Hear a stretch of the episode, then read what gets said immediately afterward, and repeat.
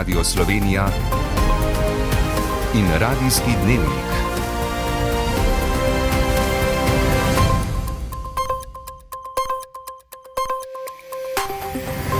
Ura je 18 in 30 minut.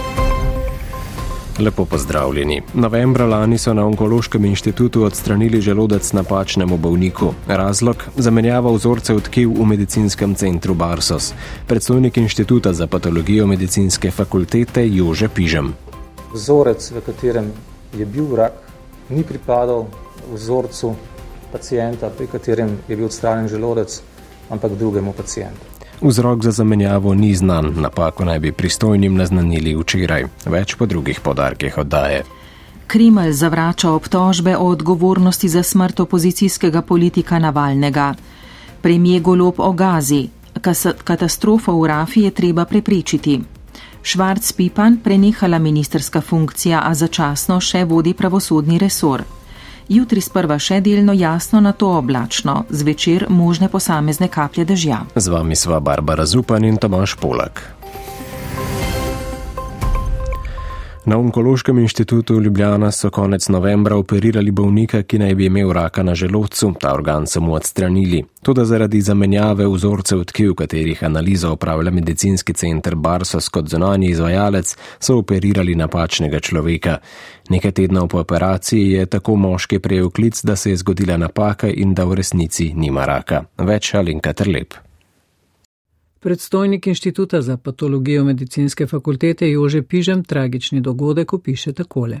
Vzorec, v katerem je bil rak, ni pripadal vzorcu pacijenta, pri katerem je bil odstranjen želodec, ampak drugemu pacijentu.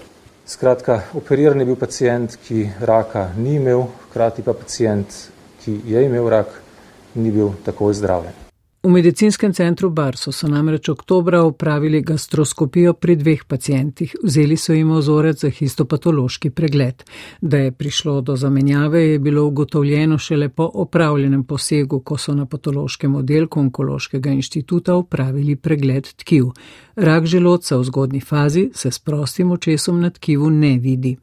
Direktorica Barsosa Urša Muram pa pojasni. Da je prišlo pri nas do zamenjave ne vemo točno, v katerem delu postopka, zato smo tudi zaprosili urad za nadzor kakovost in investicije v zdravstvu, za nadzor, za pregled. Direktorica Onkološkega inštituta Irena Oblak je dejala, da so zaposleni pretreseni in da je prav skrbno zaposlenih tista, zaradi česar so posumili v napako. O reakciji bolnikov Barsos Urša Muren. Sta bila seveda presenečena nad oziroma celo v šoku nad reakcijo, tako kot bi bila jaz, če bi se to zgodil meni ali pa komu od mojih. Ob ustreznih prehranskih prilagoditvah lahko bolniki brez želodca živijo relativno normalno. Obema pacijentoma so nudili ustrezno pomoč in zdravljenje. Ob razkrivanju zgodbe se je pokazal tudi dvom, da so v Barsusu medije o napaki obvestili pozno, šele po novinarskih vprašanjih. Državni zbor se je na današnji izredni seji seznanil z odstopom ministrice za pravosodje Dominike Švarc-Pipan. Premijer Robert Golop mora v desetih dneh predlagati novega ministerskega kandidata ali sporočiti, kdo bo začasno prevzel vodenje resorja. Do takrat bo tekoče posle upravljala Švarc-Pipan, ki je poslankam in poslancem sporočila. Predsedniku vlade sem predala izčrpno poročilo, ki nedvoumno kaže, da je v zadju tega posla skrbno načrtovano delovanje dobro organizirane peščice državnih in političnih uradnikov, zavestno zavajanje, prirejanje postopkov, prirejanje dokumentacije in celo kadrovskih struktur odgovornih služb Ministrstva za pravosodje. Prav tako je na žalost jasno, da je v postopku prihajalo tudi do nepooblaščenih zunanjih vplivov in prevar. Državni zbor je sklenil tudi, da bo Matejo Čalošič, ki je postala kmetijska ministrica, v poslanski klopi nadomestil nekdani minister za naravne vire in prostor Uroš Brežan. Prvi, ki bi mu pripadalo poslansko mesto, nekdani zdravstveni minister Daniel Bešič Loredan, se namreč ni odzval vabilu. Poslanci in poslanke so brez glasu proti tudi razrešili poslanca Miho Kordiša z mest v delovnih telesih državnega zbora. Bodoči dijaki in študentje danes in jutri obiskujejo informativne dneve v ustanovah, kjer bodo nadaljevali šolanje. Med drugim se lahko seznanijo z opisnimi pogoji in programi, ki jih ponujajo srednje šole in fakultete. Kako je prvi informativni dan potekal na Goriškem, je preverila Eva Furlan. Devetošolca Aleks in Tilen sta izbrala biotehniško šolo, saj želita ostati doma na kmetiji. Ja, rad bi pač nadaljeval to in še malo povečal, da bi se dalo živeti od tega. Želim postati bolj vinogradnik in da bom ustvaril dobra vina. Osnovno šolko Evo, ki je prišla v družbi mame in očeta, zanima turizem. Pa je to njena dokončna odločitev? Pol pol, ali se bom odločila še za kaj drugega ali pa to, ma zdaj sem bolj turistični. Podpora staršev je zelo pomembna. Ne? Zelo pomembna. Je pa res, da se morajo sami odločiti. Ne? Sicer pa je veliko zanimanja tudi tudi za druge programe pod okriljem šolskega centra Nova Gorica. Zaradi tega, pač, ko me zanima strojništvo, sem prišel pogledat, da se še pač, do konca premislim, kaj sem upisal. Za elektrotehnika, ko me zanima pač od elektronike. Živijo, a ste tukaj zaradi informativnih dneva? Lahko Tako so bili sprijeti morebitni bodoči študentje na Akademiji umetnosti. Med zadnjimi je prišel tudi kandidat iz Velenja. Ker me pokrajina zelo všeč in pa tudi zaradi tega, ker je edina visoka šola fotografije in digitalne umetnosti v Sloveniji. Dve prijateljici sta prišli iz Beograda. Pa, došli smo v Slovenijo zato, što... Naučila se bom novega jezika, ki niti ne bo pretežek zame. Hkrati bom tudi dovolj blizu doma in se bom lahko kreativno izražala. Da, mislim, čuli smo mnogo dobrih stvari. Slišali smo veliko dobrih stvari tako v Sloveniji kot v tej šoli. V Srbiji pač ni ravno takšne šole, ki bi me zanimala. Nešto, ko nam zanima. Univerza v Novi Gorici ponuja 28 študijskih programov, organizirajo pa tudi brezplačen prevoz iz Ljubljane. Po svetu se vrstijo odzivi na smrt ruskega opozicijskega voditelja Alekseja Navalnega, ki je umrl danes v zaporniški koloniji Harp na skrajnem severu Rusije. 47-letni Navalni, ki je prestajal dolgoletno zaporno kazen, je po sprehodu izgubil zavest in umrl kljub hitri pomoči zdravstvene službe, ki ga je oživljala, je v sporočilu za javnost zapisala uprava zapora. Njegovi svojci so šokirani, demokratični svet užaloščen. Ruski oporečniki so prepričani, da je bil Navalni umorjen. Odgovor odgovornost pa pripisujejo režimu ruskega predsednika Vladimirja Putina. Podrobneje Matej Šurc. Aleksej Navalni je bil neuklonljivi borec za demokracijo, ki je življenjem plačal za svoj pogum. Pravnik po poklicu in politični zapornik. Če so bili drugi oporečniki trn v peti ruskemu predsedniku Putinu, je bil Navalni zan Bruno v očesu. Že tako oslabljena ruska opozicija je z njegovo smrtjo oropana karizmatične osebnosti. Navalnega je režim na montiranem procesu obsodil za ekstremizem in prevare. V zapor so ga strpali leta 2000. 2021, takoj po vrnitvi iz Nemčije, kjer se je zdravil zaradi zastrupitve z živčnim plinom novičok.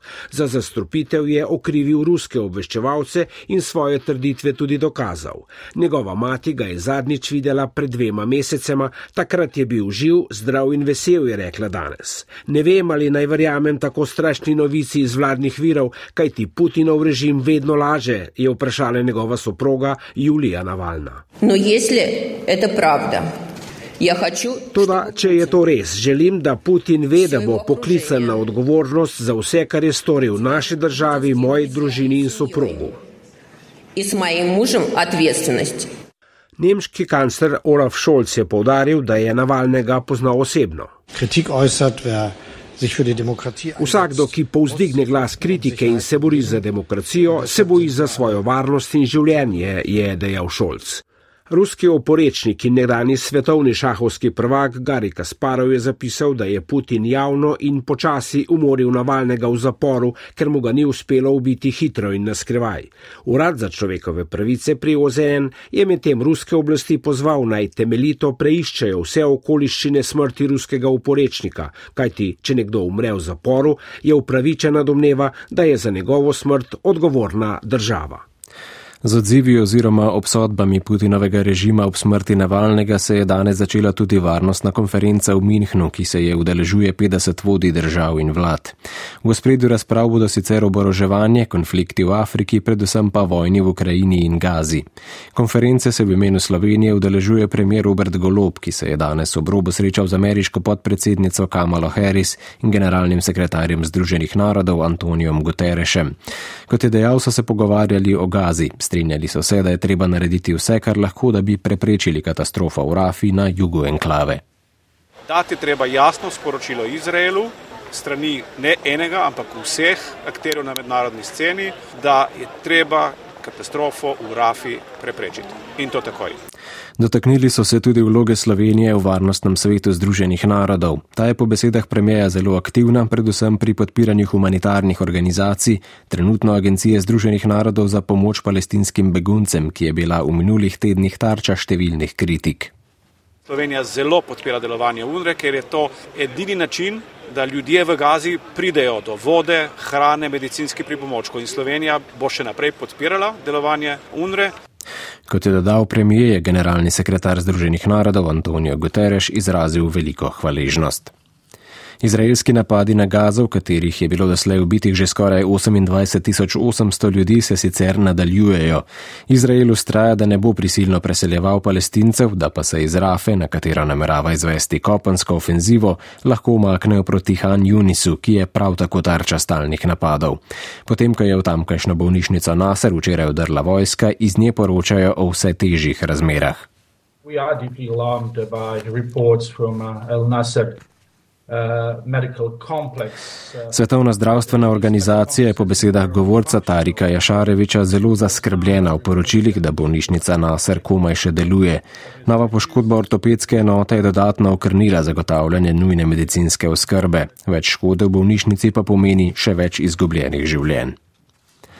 Število prihodov migrantov v Italijo je v zadnjih mesecih upadlo, tudi načrt graditve dveh sprejemnih centrov v Albaniji ostaja aktualen, čeprav mu nasprotujete tako politična opozicija kot rimokatoliška crkva. Pred sodiščem v Kalabriji se je medtem začelo sojenje odgovornim za vrodolom, v katerem je pred enim letom umrlo skoraj sto prebežnikov, seznam obtoženih se je včeraj še podaljšal, poroča naš dopisnik Janko Petrovec. Italijanski senat je v četrtek domala ekspresno dokončno potrdil dogovor med premijejem Maramo in Melonijevo o gradnji dveh migranskih centrov pod jurisdikcijo Rima na področju Albanije. Zadovoljstvo vladnih krogov je, kljub nasprotovanju leve opozicije to stran Otranta in desne na drugi strani, skalilo predvsem stališče domače škofovske konference. Ta je takoj po odločitvi senata označila albansko rešitev kot odraz nesposobnosti Italije, da bi upravljala z migracijami, potrebna sredstva pa za denar vržen v morje. Predsednica vlade se je odzvala posredno in napovedala ukrepitev zadrževanja migrantov v sodelovanju s severnoafriškimi državami. Od tam je od začetka leta dejansko prišlo manj ljudi kot v enakem obdobju lani, dobrih 4000 ali skoraj pol manj. Zaenkrat prednjačijo Bangladeševci, Sirci in Tunizici. Nadaljuje se tudi stroga politika Italije do reševalnih ladij nevladnikov. Pred tednom so tako v Barju začasno ustavili ladjo Ocean Viking francoske organizacije SOS Mediterrane, samo zato, ker je med plovbo proti pristanišču samo inicijativno pomagala pomagala 70 imigrantom na čovnu, ki se je znašel v težavah 15 mil od predvidene rute ladje. Pred sodiščem v kalabrijskem Krotonaju pa se je medtem januarja začelo sojenje odgovornim za brodolom, v katerem je 26. februarja lani pred Kutrom umrlo 94 migrantov. Na zatožni klopi so bili sprva samo štirje domnevni tihotapci, od četrtka pa tudi šest častnikov in počasnikov obalne in finančne straže. Očitajo jim opustitev pomoči plovilu v težavah, o katerih so bili obveščeni, reagirali reagirali pa odločno prepozno, tvegajo do 12 let zapora. Radijski dnevnik. Ministrstvo za okolje, podnebje in energijo je dobavitelje in občine pozvalo k ukrepom za nižje izhodne cene toplote v sistemih daljinskega ogrevanja. Kot je dejal minister Bojan Kumer, glede na analizo stanja v nekaterih primerjih občani nosijo breme neskrbnega gospodarjanja na področju daljinskega ogrevanja oziroma distribucije toplote.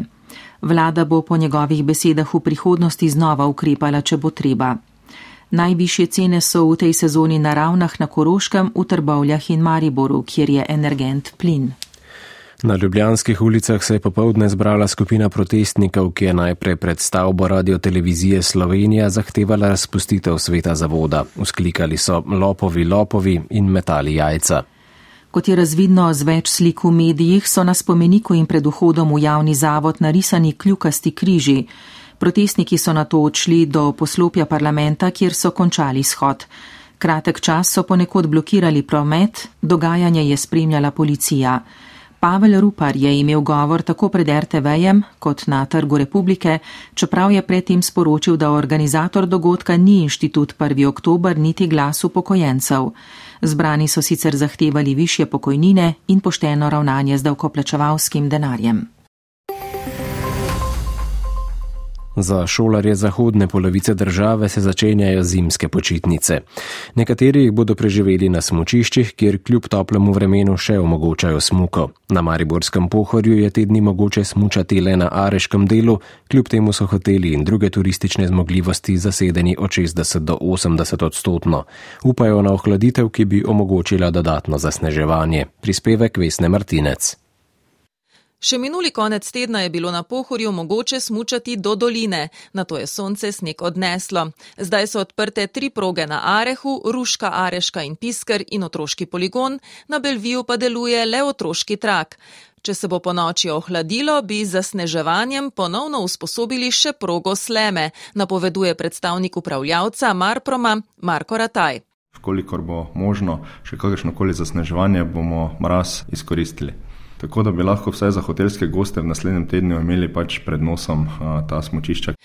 Hoteliri se soočajo z nekaj odpovedmi rezervacij zaradi slabših snežnih razmer, zlasti tujih gostov. Kljub temu bo zasedenost v prihodnjem tednu okoli 60 odstotna, pravi vodja hotela Belvi Matej Planinc. Se trudimo informirati ljudi tudi, da proge na Areho obratujejo, da je možno smučati tam. Do tja jih pelje smučarski avtobus. Večjo zasedenost imajo v namestitvah, kjer pretežno gostijo šole v naravi. Vodja ruške koče na Arehu Vlado Hecl imamo dokaj zasedeno kočo, zaradi tega, ker imamo šole v naravi. Moram pa podariti, da vsaka čast Marpromom, njegovim sodelavcem, vsem, ki retrakirajo, ki zasnežujejo vse, da nam v teh nemogočih razmerah še vedno dovolijo, da smučamo. Skupaj so na pohorju v tej zimi doslej našteli okoli 65 tisoč smučarjev, tako domačih kot jih sosednjih držav. Največ jih je bilo v januarju. Namestitvene zmogljivosti pa so bile najbolj polne okoli novega leta. Še enkrat povejmo, da je Onkološki inštitut Ljubljana novembra zaradi zamenjave vzorcev tkiv v medicinskem centru Barsos odstranil želodec napačnemu pacijentu. Vzrok za napako še ni znan. Državni zbor se je seznanil z odstopom ministrice za pravosodje Dominike Švarc-Pipan, ki pa bo začasno še opravljala tekoče posle. Na tujem pa odmeva smrt ruskega opozicijskega politika Alekseja Navalnega. Številni tako v Rusiji kot drugod po svetu odgovornost pripisujejo Kremlju oziroma ruskemu predsedniku Vladimirju Putinu. Moskva pa zavrača obtožbe kot nesprejemljive. V športu čez nekaj trenutkov med drugim o svetovnem prvenstvu v plavanju v Dohi in sklepnem turnirju košarkarskega pokala v Ljubljani. Z vami bo Jurej Roman, jaz pa vam želim lep večer.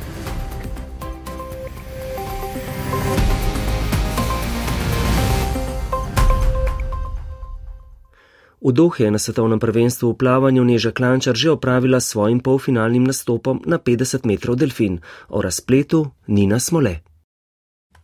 Neža Klančar je bila v svoji vodni posamični disciplini v Dohi povsem blizu prvi uvrstitvi v finale svetovnega prvenstva. V polfinalu je sicer plavala stotinko počasneje od jutranjega pretekmovanja in s časom 26.08 osvojila 12. mesto. Od finala jo je ločila le desetinka sekunde. Sara Isakovič tako ostaja edina slovenka z uvrstitvijo v finale svetovnega prvenstva.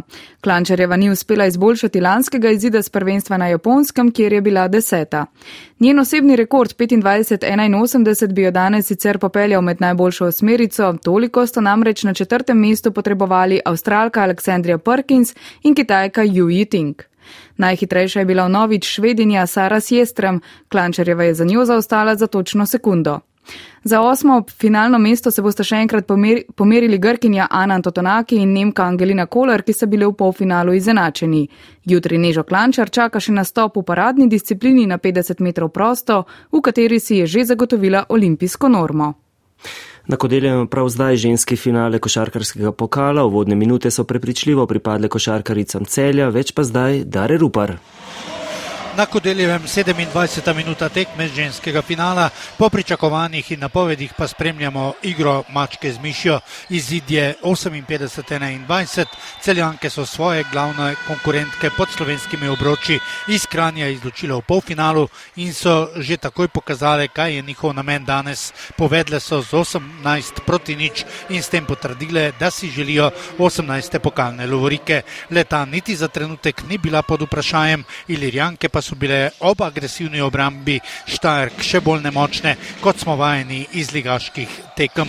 Prvi kos so ljubljančanke dosegle denimo šele v peti minuti, ko je trojko dosegla Jovana Spasovski. Zvečer bo še poslastica prvič združenega finalnega večera pokala v ženski in moški konkurenci. Nasproti si bosta pri moških stali ekipi Olimpije in Krke. V obeh mlajših kategorijah pa so pokalni zmagovalci, košarkarice iz Vipave in mladi Mariborčani, ki so prvo lovoriko pod obroči v mesto ob Dravi prinesli po kar 16 letih. V prvi nogometni ligi danes ena tekma Alumini Koper v 60 minuti 1 proti 1.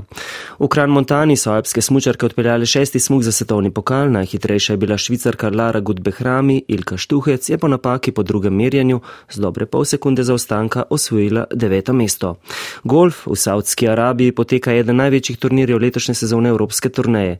V Rijadu je Pija Babnik včeraj slabo začela, šestimi udarci nad parom je bila pri repu uvrščenih z današnjim drugim najboljšim dosežkom dosežkov med vsemi, pa se je po lestvici močno povzpela. Odigrala je s petimi udarci manj od predvidenih, pija Babnik o razlikah v svoji igri. Patanje mi ni šlo in tam sem zgubila eh, vse udarce.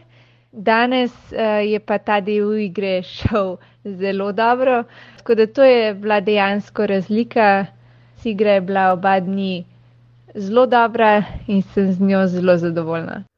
Ljubljančanka se je zavihtela v zgornjo polovico uvrščenih, ki bo turnir z nagradnim skladom 5 milijonov dolarjev nadaljevala jutri in v nedeljo.